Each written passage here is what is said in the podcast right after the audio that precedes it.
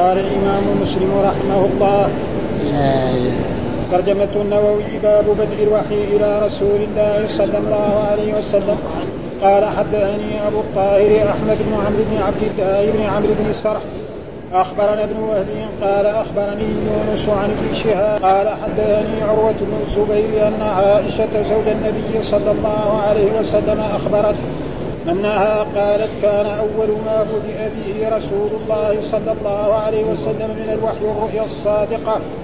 الرؤيا الصادقة في النوم فكان لا يرى رؤيا إلا جاءت مثل فلق الصبح.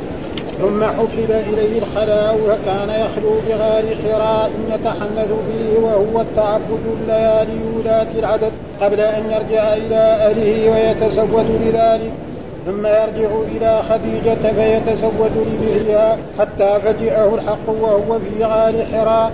فجاءه الملك فقال اقرأ. قال ما أنا بقارئ؟ قال فأخذني فغطني حتى بلغ مني الجهد ثم أرسلني. فقال اقرأ. قال قلت ما أنا بقارئ؟ قال فأخذني فغطني الثانية حتى بلغ مني الجهد ثم أرسلني. فقال اقرأ. فقلت ما أنا بقارئ فأخذني فغطني الثالثة حتى بلغ مني الجهد ثم أرسلني. فقال اقرأ باسم ربك الذي خلق خلق الإنسان من علق. اقرأ وربك الأكرم الذي علم بالقلم. علم الإنسان ما لم يعلم. فرجع بها رسول الله صلى الله عليه وسلم ترده بوادره حتى دخل على خديجة. فقال زملوني زملوني فزملوه حتى ذهب عنه الروع. ثم قال لخديجة أي خديجة ما لي وأخبرها الخبر.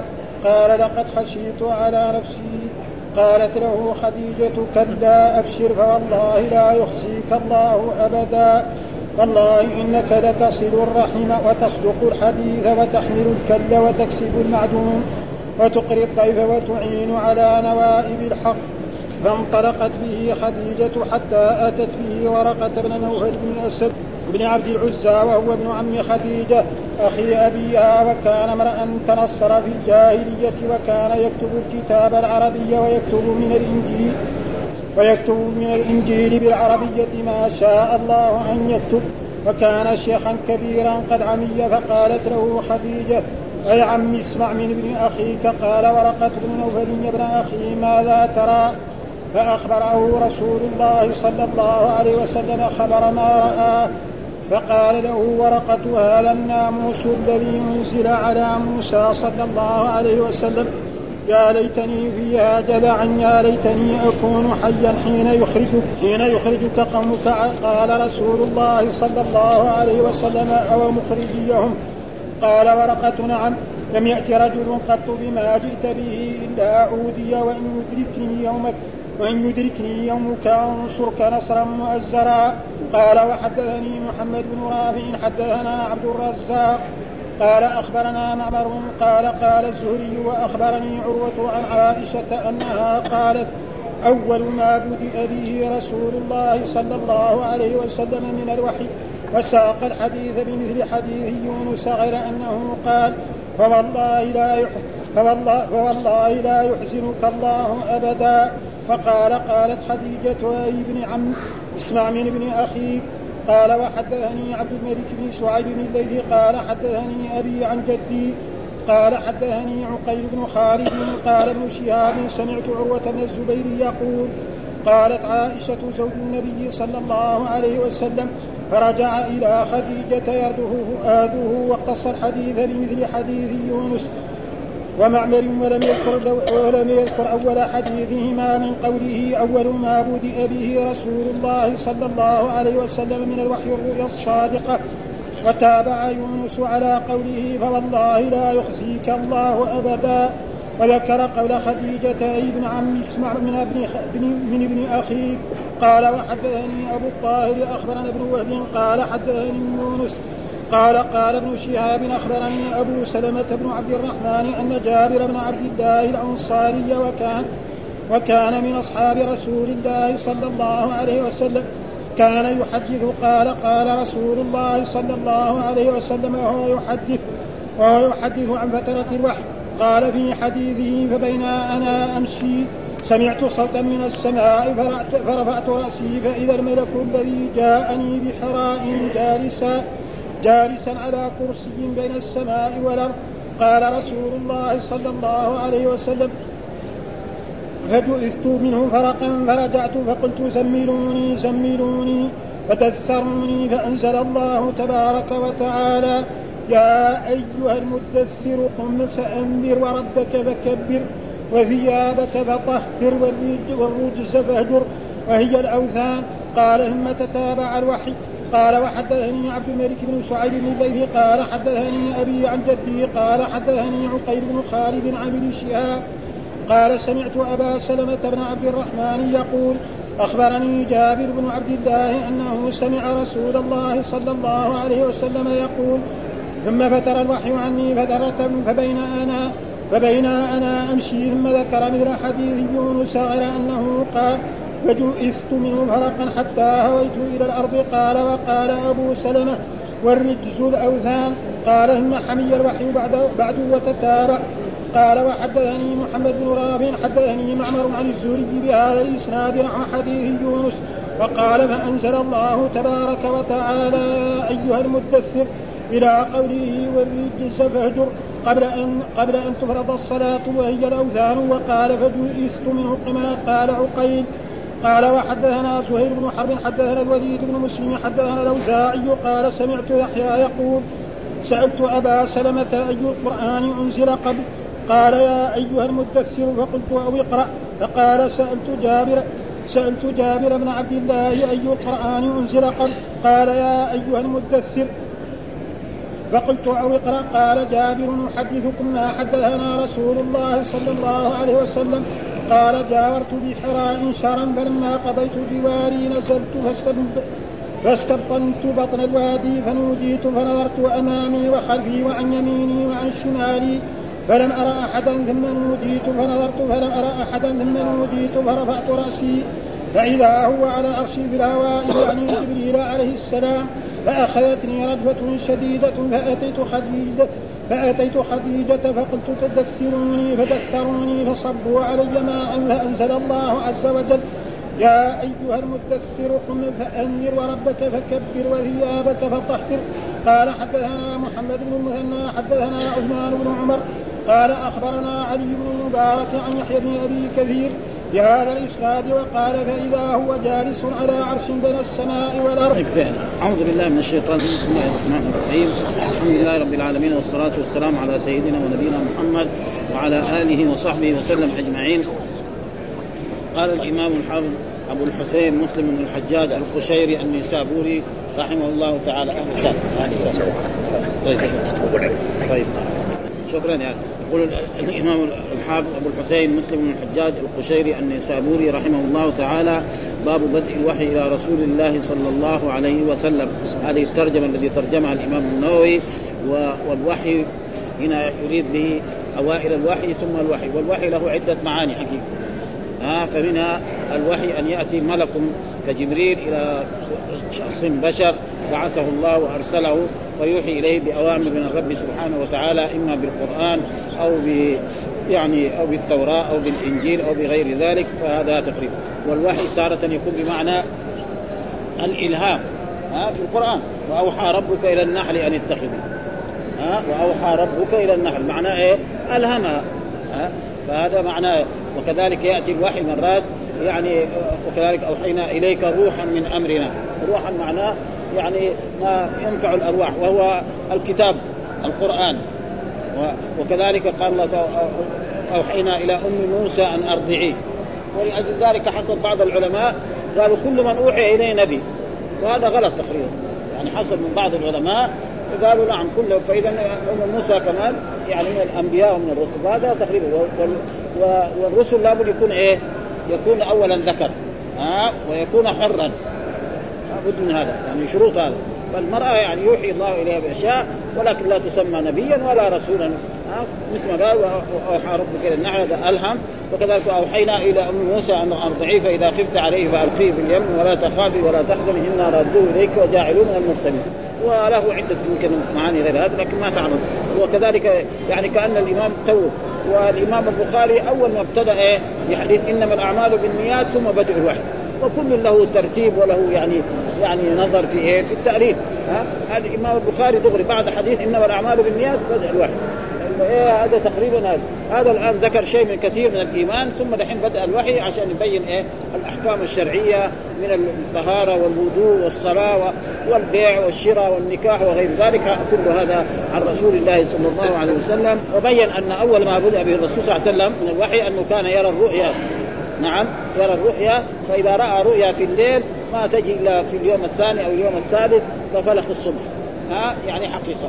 وهذا جاء في أحاديث عن رسول الله صلى الله عليه وسلم ما بقي يعني من مبشرات النبوة إلا الرؤيا الصالحة يراها الرجل أو ترى له. فإذا إنسان كان يرى رؤيا ويراها حقيقة فهذه إيه فيه يعني شعبة من شعب إيه النبوة والرسالة. ثم بعد ذلك الرسول حبب إليه الخلافة كان يتعبد في غار حراء مدة من الزمن ثم يعود إلى زوجته خديجة. ثم بعد ذلك أتاه الملك فقال له اقرأ إلى آخره وهذا تقريبا يعني واضح. نقرأ نقرأ شيء منه نقرأ الحديث الأول ثم نقرأ ما ذكره في بعض الكلمات التي شرحها الإمام النووي قال حدثنا أبو الطاهر أحمد بن عمرو بن عبد الله بن عمرو بن بن سرح قال أخبرنا ابن وهب قال أخبرني يونس عن ابن شهاب قال حدثني عروة بن الزبير أن عائشة زوج النبي صلى الله عليه وسلم يعني هذا على كل حال عائشة هذا ما أخذته إيه لأنه لما لما يعني اوحي إلى الرسول ما كانت هي الرسول ما دخل عليها إلا بالمدينة في عام إيه؟ في العام الثاني من من الهجرة فهذا يكون إيه؟ مرسل يعني روته عن إيه؟ عن عن عن أحد الصحابيات أو أحد زوجات الرسول مثل سودة أو غير ذلك أو أي واحد. يعني وإلا هي ما كانت حاضرة.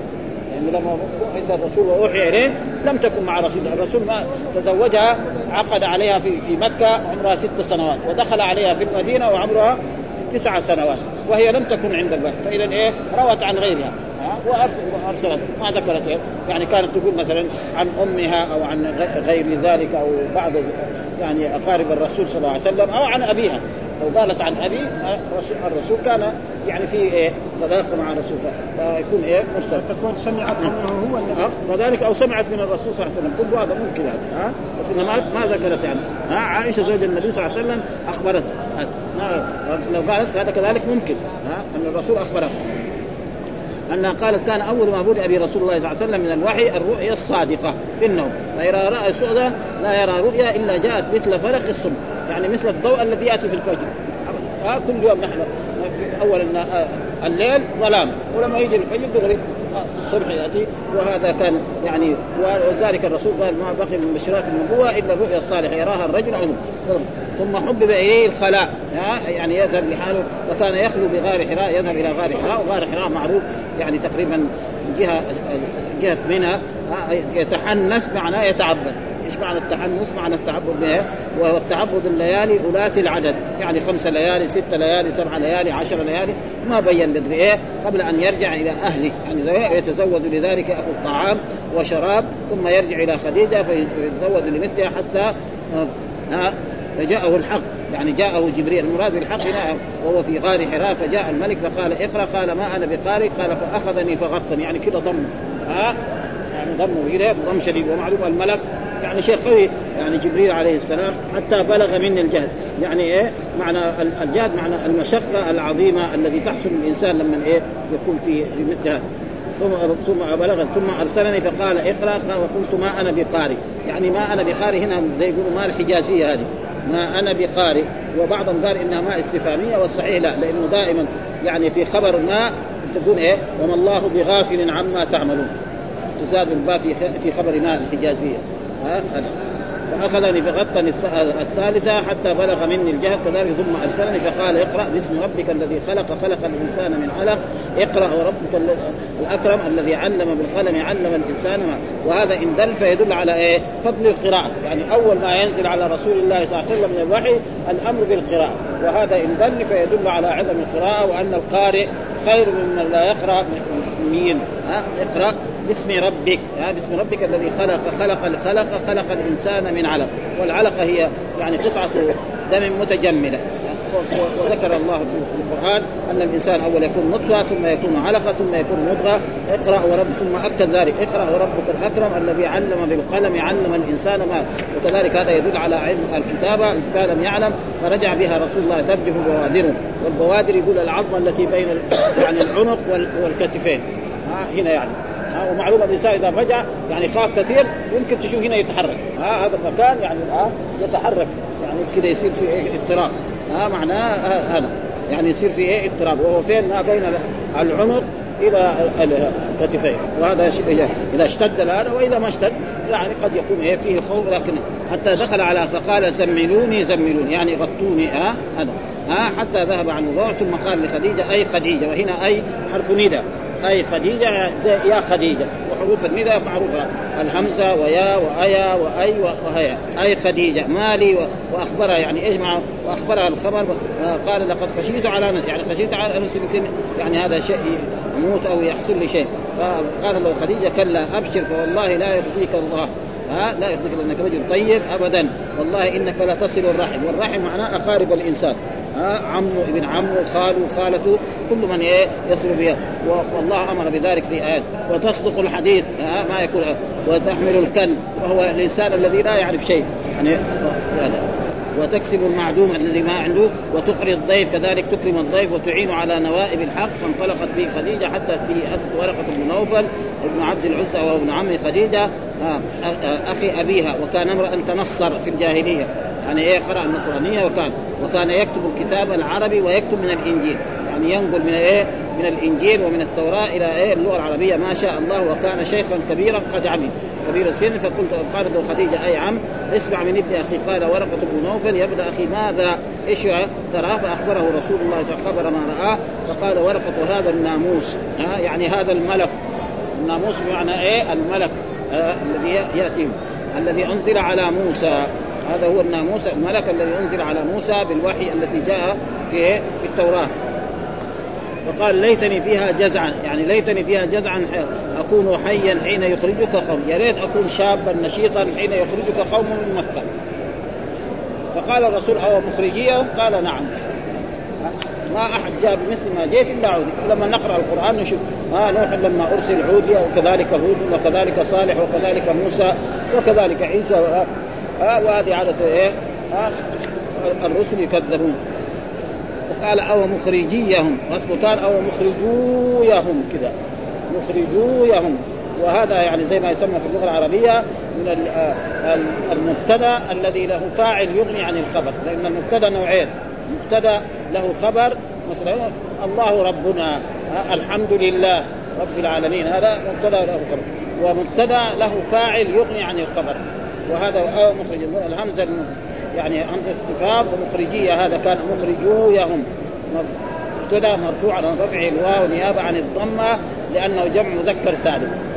وحذفت النون اصله كان مخرجون ها؟ فعل ثم قال مخرجيه واضيف إلى الهاء فصار مخرج ثم أدغمت الواو قلبت ياء وأدغمت الواو بالياء وصار مخرجية. وهم فاعل سد مسد الخبر ها؟ كثير هذا موجود.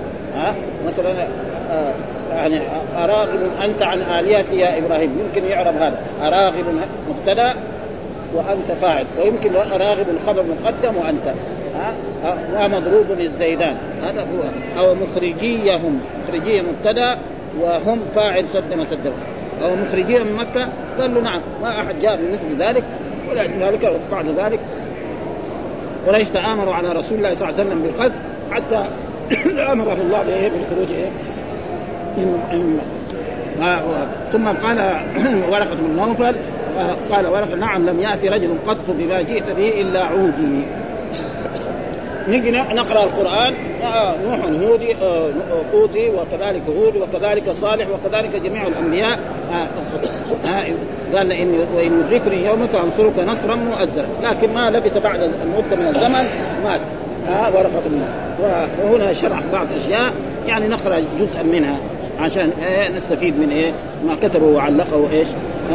قال فيه, الأحاديث المشهورة فنذكر إن شاء الله تعالى على على على ترتيب ألفاظها ومعانيها فقوله في الإسناد أبو الطاهر بالسرح وبالسين والحاء المهملة والسين المفتوحة أول.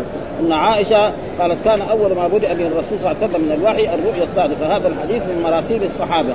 من مراسيل الصحابة فإن عائشة رضي الله تعالى عنها لم تدرك هذه القضية فتكون قد سمعتها من النبي صلى الله عليه وسلم أو من الصحابي وقد قدمنا في الأصول أن مرسل الصحابي حجة عند جميع العلماء إلا من فرض به الأستاذ أبو إسحاق السفراني والله أعلم. وقول الرؤيا الصادقة وفي وفي رواية البخاري رحمه الرؤيا الصالحه وهما بمعنى واحد وفي من هنا قولان أحدهما وفي من هنا هنا قولان. أحدهما أنها لبيان يعني من لبيان الجنس والثاني للتبعيض. ذكرهما القاضي. وقولها فكان لا يرى رؤيا إلا جاءت مثل فلق الصبح قال أهل اللغة فلق الصبح وفرق الصبح وفرق الصبح بفتح الفاء واللام والراء وهو ضياؤه. ها؟ ضياء الصبح وإنما يقال هذا في في الشيء الواضح البين. قال القاضي رحمه الله وغيره. إنما ابتدع صلى الله عليه وسلم بالرؤيا لئلا يفاجئه الملك ويأتيه صريح النبوة بغتة فلا يتحملها. فيكون قوي البشرية فبدأ بأول إيه؟ خصال النبوة وتباشير الكرامة من صدق الرؤيا وما جاء في الحديث الآخر من رؤية الضوء وسماع الصوت وسلام الحجر والشجر عليه. كان إيه؟ حجر يسلم على النبي صلى الله عليه وسلم. هو ماشي يسلم عليه وهذا كله مقدمات ثم محبب إليه الخلاء فكان يخلو بغار حراء يتحنث بها وهو التعبد الليالي أو ولاة العهد قبل أن يرجع إلى أهله ويتزوج ثم يرجع إلى خديجة رضي فيتزوج لمثلها حتى فجاءه الحق. وأما الخلاء فممدود وهو الخلوة وهو شأن الصالحين وعباد الله العارفين قال أبو سليمان الخطابي رحمه الله تعالى حببت العزله إليه صلى الله عليه وسلم لأن معها فراغ القلب وهي معينة على التفكر وبها ينقطع ما معلوفات البشر ويتخشع قلبه والله أعلم. وأما الغار فهو الكهف والنقل في الجبل وجمعه غيران والمغار والمغارة بمعنى الغار وتصوير الغار غوير وأما حراء فبكسر الحاء المهمله وتخفيف الراء وبالمد وهو مصروف. ومذكر هذا هو الصحيح. وقال القاضي فيه لغتان التذكير والتأنيث. والتذكير أكثر فمن ذكره فمن ذكره صرفه ومن انثه لم يصرف. وأراد البقعة أو الجهة التي فيها الجبل قال القاضي عياض. وقال بعضهم فيه آه، حرى بفتح الحاء والقصر. حرى بفتح الحاء والقصر حرى. وهذا ليس بشيء. قال أبو عمرو بن الزاهد صاحب الثعلب وأبو سليمان الخطابي وغيرهما آه، غيرهما أصحاب الحديث والعام يفتحون في حراء. يقولوا في حراء في ثلاثة مواضع يفتحون الحاء وهي مكسورة. حراء. ها؟ غار حراء. كذا بكسر. وهي مكسورة. ويكسرون الراء وهي مفتوحة ويكسرون الألف وهي ممدودة. يعني في غار حراء. الممدود إيه؟ أقوى من إيه؟ من المقصود. وممدود وهو حراء جبل بينه وبين مكة نحو ثلاثة أميال على يسار الذاهب من مكة إلى منى والله. وأما التحنث بالحاء المهملة والنون والثاء المثلثة فقد فسره بالتعبد وهو تفسير صحيح وأصل الحنث الإثم. ومعنى يتحنث يتجنب الحنث يعني الإثم فكأنه بعبادته يمنع نفسه من الحنث ومثله يتحنث يتحرج ويتأثم ويتجنب الحرج والإثم. أما قوله الليالي أولات العدد فمتعلق بيتحنث لا بالتعبد ومعناه يتحنث الليالي أو ولو جعل متعلقا بالتعبد فسد المعنى. يعني ما يصلح فإن التحنث لا يشترط فيه الليالي بل يطلق على القليل والكثير وهذا التفسير وهذا تفسير اعترض بين كلام عائشة رضي الله تعالى وأما كلامها فيتحنث فيه الليالي ذوات العدد يعني ليالي معدومة. وقوله فجاءه الحق فجاءه الحق أي جاءه الوحي. بغتة فإنه صلى الله عليه وسلم لم يكن متوقعا الوحي. ويقال فجئه فجئه بكسر إيه؟ الجيم. فجئه بكسر الجيم فجئه بكسر الجيم وبعدها همزة مفتوحة ويقال فجأه بفتح الجيم. والهمزة والهمزة لغتان مشهورتان حكاهما الجوهري وقوله صلى الله عليه وسلم ما أنا بقارئ معناه لا أحسن القراءة. فما نافية هذا هو الصواب. وحكى القاضي عياض رحمه فيها خلاف بين العلماء منهم من جعلها نافية ومنهم من جعلها استفهامية. والصحيح أنها يعني نافية تعمل عمل يعني خبر, خبر اسم يعني عمل كان. في في باب ما ولا ولا المشبهات بايه؟ بليس والصحيح قول من قال بادخال الباء من جعل وضعفوه بإدخال الباء في الخبر لأن الباء تدخل في خبر إيه؟ ما الحجازية ويصح قول من قال استفهاميه ما اقرا ما ما أقرأ. ويصح أن تكون ما في هذه الرواية أيضا نافية والله قوله فغطني حتى بلغ مني النجاة ثم أرسلني. أما غطني فبالغين المعجم والطاء المهملة ومعناه عصرني. وضمني يقال غطه وغته كمان يعني غطه كمان يعني فصيح. وضبطه وضغطه وعصره وخنقه. كلها بمعنى واحد. يعني غطني ها وغته وعصره وخنقه وغمزه كله بمعنى واحد. وأما الجهد فيجوز فتح الجيم جهد الجهد ها؟ وضمها الجهد والجهد.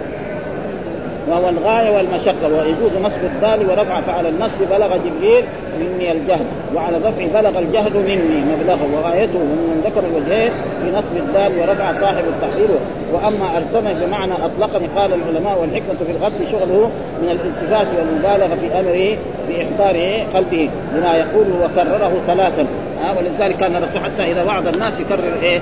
الكلمات ثلاثا عشان تفهم يعني. فمر ثلاث مرات أن يحتاط في تنبيه المتعلم وأمره بإحضار قلبه وقوله ثم ارسلني فقال اقرأ باسم ربك الذي خلق. هذا دليل في أن أول ما نزل من القرآن اقرأ وهذا هو الصواب. وفي ناس من العلماء يقول أول ما نزل يا أيها المدثر ويا أيها المزمل يقول أول ما نزل من القرآن وهذا هو الصواب الذي عليه الجماهير من السلف والخلف وقيل أول يا أيها المدثر وليس بشيء وسنذكره بعد هذا.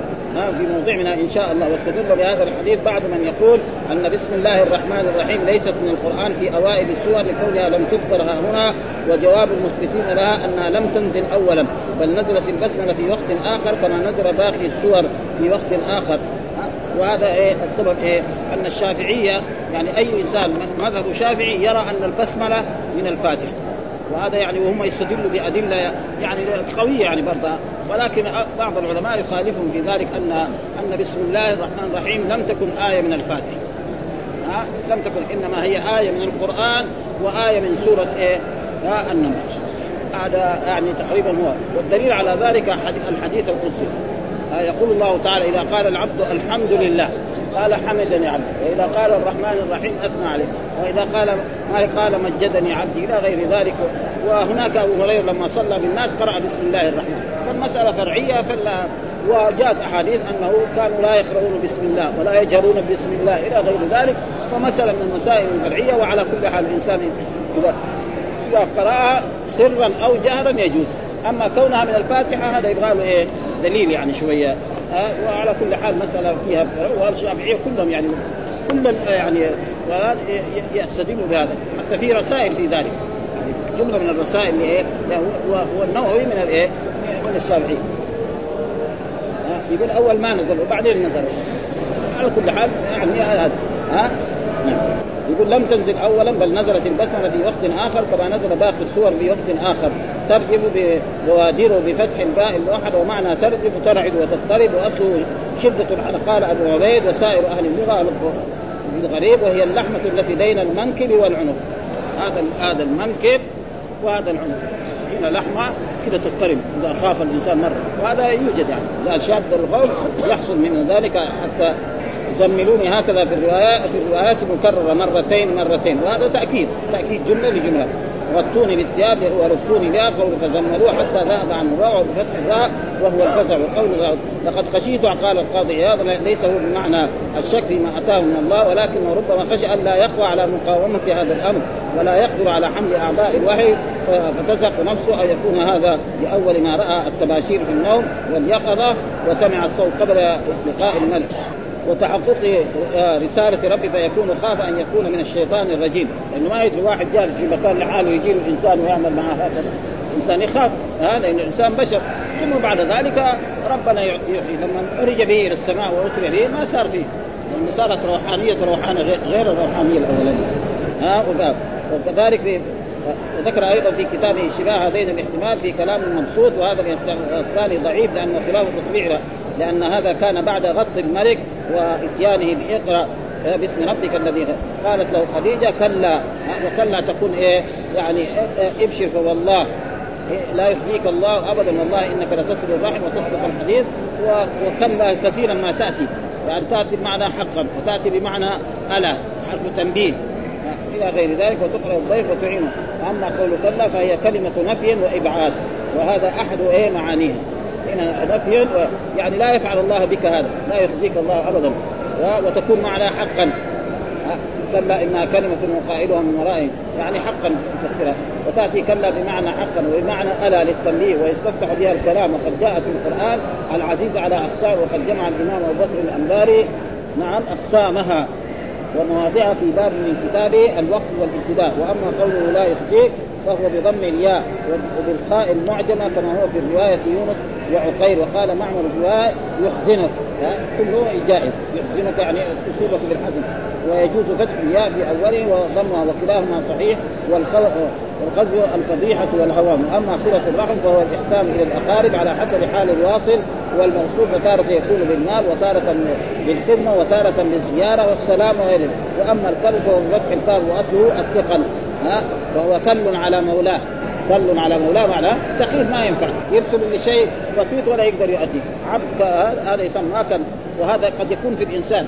ها يكون إنسان صديق أو إنسان يعني ترسل إلى أي شيء ولا يقدر يعني يؤدي له وآخر يعني يعني يفعل الأفاعيل التي فيها الفائدة.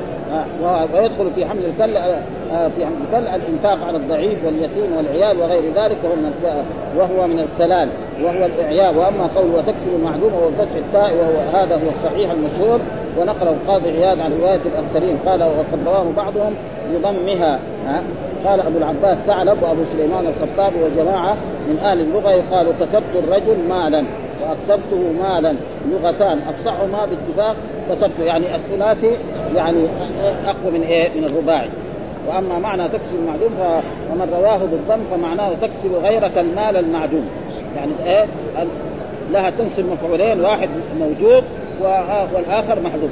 تكسب غيرك المال أي تعطيه إياه تبرعا فحذف أحد المفعولين. وقيل معناه تعطي الناس مالا آه مالا يحدونه عندك غي... آه يجدونه عند عند غيرك من نفائس الأموال. يعني تعطي الانات ولذلك كان الرسول يعطي عطاء من لا يخسر فخر بعد رسالته. وكانت العرب تتمادح بكسب المال المعدوم لا سيما قريش. وكان النبي صلى الله عليه وسلم محظوظا في تجارته. وهذا القول حكاه القاضي عن ثابت صاحب الدلائل وهو ضعيف. أو غلط. وأي معنى لهذا القول في هذا الموضوع إلا ان إلا أنه يمكن تصحيحه بأن يضم أن يضم إليه زيادة فيكون معناه تكسب المال العظيم الذي يعجز عنه غيره ثم تجود به في وجوه الخير وأبواب المكارم. كما ذكرت وأما الكلب ففتح الكاف واصله الثقل يعني الثقل وهو قوله تعالى وهو كل على مولاه.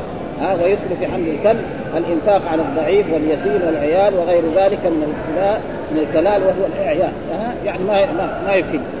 وكذلك قال والخطاب ما رواه تكسب المعدوم أي تسعى في طلب عاجز آت عشه والكسب هو الاستفادة هذا المال. وأما قول تقري الضيف وهو بفتح التاء قال أهل اللغة اللغة يقول قريت الضيف أقريه قرا بكسر القاف مكسورا وقراء وقراء بفتح القاف والمد. ويقال للطعام الذي يضيف يضيف به قرا بكسر القاف مكسورا. وفي كتاب يعني كتاب في في في الحج وفي هذا القرا في إيه؟ في أم القرى القرا في أم القرى. يعني إيه الضيعه سماها كده. يعني كتاب مرة جيد. يتكلم عن الحج كلام. يعني كله تقريبا في الحج وما يتعلق. ها؟ القرى في أم القرى. ما يتعلق بمكة. وهذا معنى. معناه الضيافة. ضيافة تكون حسية وتكون معنوية. ها؟ يجيب له طعام ياكل. ويعطي له مسائل علمية وهذا يسمى ضيافه قال العلماء في كلام خديجة رضي عنها آه أنك لا يصيبك مكروه لما جعل الله فيك من مكارم الأخلاق وكرم الشمائل وذكرت ضروبا من ذلك وفي هذا دلالة على أن مكارم الأخلاق وخصال الخير سبب السلامة من مصارع السوق وفيه مدح الإنسان في وجهه في بعض الأحوال لمصلحه لمصلحة نظر لمصلحة نظر نظرا. لمصلحة نظرت وفيه تأسيس من حصلت له مخافة من أمر وتبشيره وذكر أسباب السلامة فيه وفيه عظيم دليل. وأبلغ حجة على كمال خديجة رضي الله تعالى عنها وجزالة رأيها وقوة نفسها وثبات خلقها وعظم فقهها. والله وكان امرأ تنصر في الجاهلية معناه صار نصرانيا.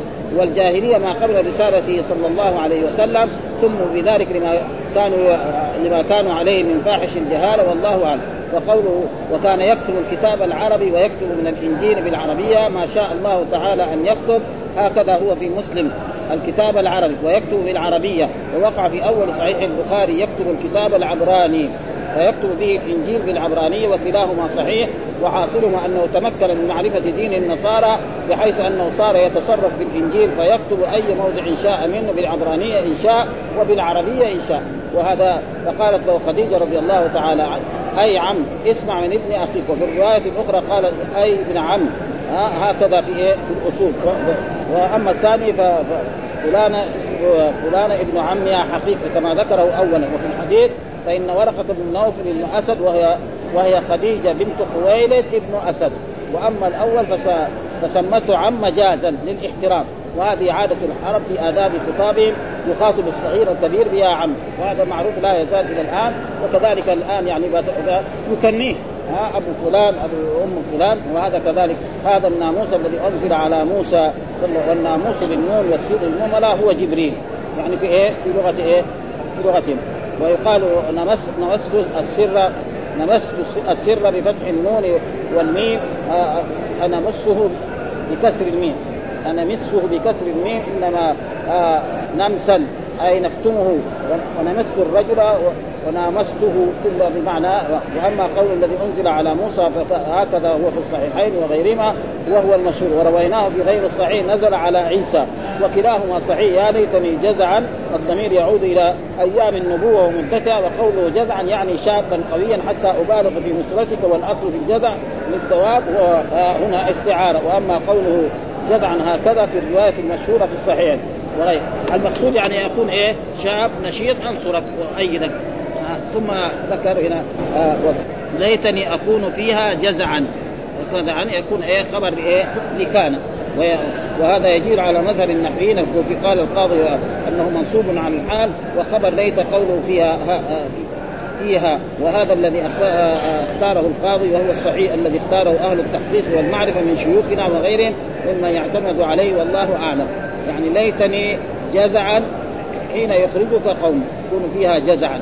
أو مخرجيا قال بفتح الواو وتشديد الياء. هكذا الرواية ويجوز تخفيف الياء على الوجه الصحيح والمشهور تشديد تشديدها. وهو مثل قوله تعالى بمصرخية وهو جمع مخرج. فالياء الأولى ياء الجمع والثانية ضمير المتكلم. وفتحت للتخفيف لئلا يجتمع الكسرة والياءان بعد كسرتين. ها أصل كان أو مخرجويهم آه ثم حذفنا الواو وأبدلنا يا فان يدركني يومك وقت خروجك أنصرك نصرا مؤزرا. هو بفتح الزاي. هذا وهذا يعني تقريبا فيه إيه؟ بعض أشياء معاني. والأحاديث الباقية مثل هذه كلها. يعني إنما بعضها عن دحين عن عائشة ويجي حديث بعدين عن إيه؟ عن جابر بن عبد الله. كذلك جابر بن عبد الله كذلك حديث يصير مرسل. لأن جابر بن عبد الله ما كان مع رسول الله صلى الله عليه وسلم في ذلك الوقت. ها لأنه أنصاري. ها بعد إيه؟ سنين حتى بعد 13 سنة فهو كذلك رواه عن أحد الصحابة الذين حضروا ذلك. فأرسل. والأحاديث المرسلة معروفة يعني يعني موجودة في كل الكتب السنة خصوصا في الموطأ وفي غير ذلك من كتب. عبادته قبل قبل الوحي هذا؟ والله ما ما نقدر نعرف تمام إنما يعني عبادة يمكن على طريقة النبي عيسى عليه السلام تعلمها من ها ها يعني فيها ليست العبادة الآن.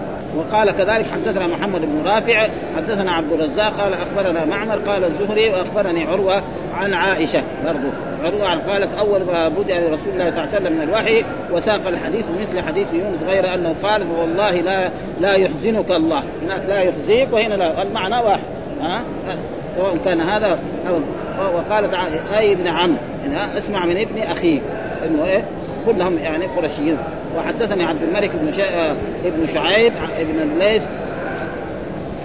عبد الملك بن شعيب ابن الليث. فقال حدثني أبي عن جدي قال حدثني عقيل بن خالد قال ابن شهاب سمعت عروة بن الزبير يقول قالت عائشة زوج النبي صلى الله عليه وسلم فرجع إلى خديجة يرجف فؤاده ها والفؤاد قلنا القلب أو أو واختص واختص الحديث. يعني ذكر الحديث مثل حديث يونس ومعمر ولم يذكر أول حديثهما أن أول ما أول ما أتى به الرؤيا الصالحة يراها الرجل أو يراها الرسول فتكون مثل فلق الصبح ثم بعد ذلك حبب إليه الخلاء يتعبد في غار حراء. هذا ما ذكره. وذكر إيه؟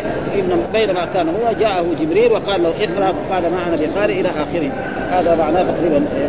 من الوحي الرؤيا الصادقة وتابع يونس على قوله فوالله لا يخزنك لا يخزيك الله ابدا. وذكر قول خديجة أي ابن عم اسمع من ابن أخيك. وحدثنا أبو الطاهر قال أخبرنا ابن قال حدثني يونس قال قال ابن شهاب أخبرني أبو سلمة بن عبد الرحمن أن جابرا من الصحابي جابر بن وهناك الاحاديث كان إيه؟ عائشة. وكان من أصحاب رسول الله كان يحدث برضه يكون إيه؟ مرسل لأنه لم يكن حاضرا في إيه؟ وقت ما آه الرسول أوحي إليه. وقت ما كان يتعبد لأنه هو أنصاري والرسول كان في مكة وهو إيه؟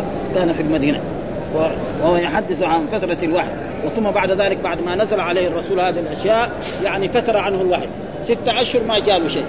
فتشوق الرسول صلى الله عليه وسلم إلى الوحي. بعد ما بشر أنه يصير نبي ورسول يعني تشوق. فكان مرة يعني يحب أن اليوم يجي يوم ثلاثة أربعة خمسة شهر شهرين بعد ستة أشهر حتى جاء. حتى كان يقول في بعض الروايات أنه كان يذهب إلى بعض الجبال ويكون في في حالة نفسية يعني. ثم بعد ذلك جاءه الوحي بإيه؟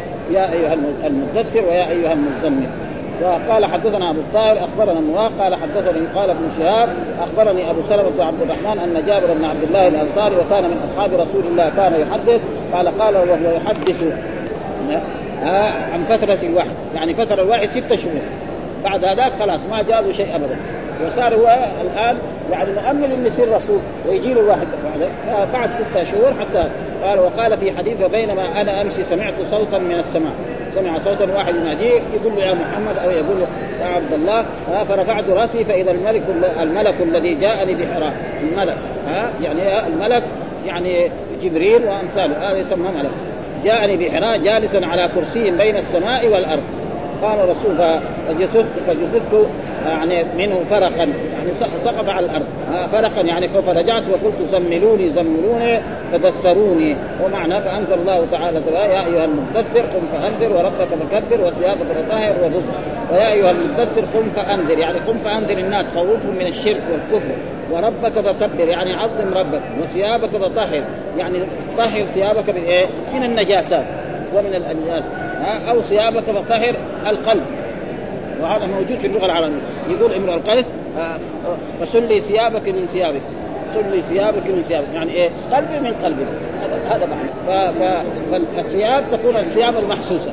ويكون الثياب يعني المعنوية. ثم قال ثم تتابع الوحي. ثم بعد ذلك تتابع الوحي. خلاص. يا أيها المدثر ويا أيها المزمل. آآ آآ مثلا آآ الآيات اللي فيها أمر بعبادة الله. يعني واصدع بما تؤمر وأعرض عن المشركين. كذلك نادى أقاربه يا بني عبد مناف يا بني كذا إني نذير لكم بين يدي عذاب أليم والآيات القرآنية التي نزلت في في في هذا قال جابر بن عبد الله سمع رسول الله صلى الله عليه وسلم يقول ثم فتر الواحد فترة بينما أنا أمشي ثم ذكر مثل حديث يونس غير أنه قال فجززت منه فرقا حتى هويت إلى الأرض. قال وقال أبو سلمة الرز الأوثان. إيش الرز الأوثان؟ ها يا أيها المدثر قم فأنذر وربك فكبر وثيابك فطهر والرز ولا تمنن تستكثر إيش لا تمن يعني لا تعطي عطية ترجو أن تعطى أكثر منها. هذا بالنسبة إلى رسول الله صلى الله عليه وسلم. لا يجوز الرسول يقدم هدية لإنسان عشرة يعطي له مية. هذا ممنوع أما نحن البشر لا جائز. ها واحد يقول نوديت فنظرت أمامي وخلفي وعن يميني وعن شمالي فلم أرى أحد ثم نوديت فنظرت فلم أرى أحد ثم نوديت فرفعت رأسي فإذا هو على العرش. والعرش معنى الكرسي. ها كأنه إيه؟ أو كده واقف في الجو. الهواء يعني جبريل عليه السلام فأخذتني رجفه شديدة فأتيت خديجة فقلت دثروني فدثروني فصبروا علي الماء الإنسان لما يكون مغمى فأنزل الله تعالى يا أيها المدثر قم فأنذر وربك فكبر وثيابك فطهر. قال حدثنا محمد بن المثنى قال حدثنا عثمان بن عمر. أخبرنا علي بن المبارك عن يحيى بن أبي كثير بهذا الإسناد. قال فإذا هو جالس على عرش بين السماء والأرض. وهذا يتبين أن رجال رجال مسلم ما هم زي رجال رجال البخاري. يعني يختلف فيه قليل يعني. ها؟ يعني رجال البخاري غير هذا.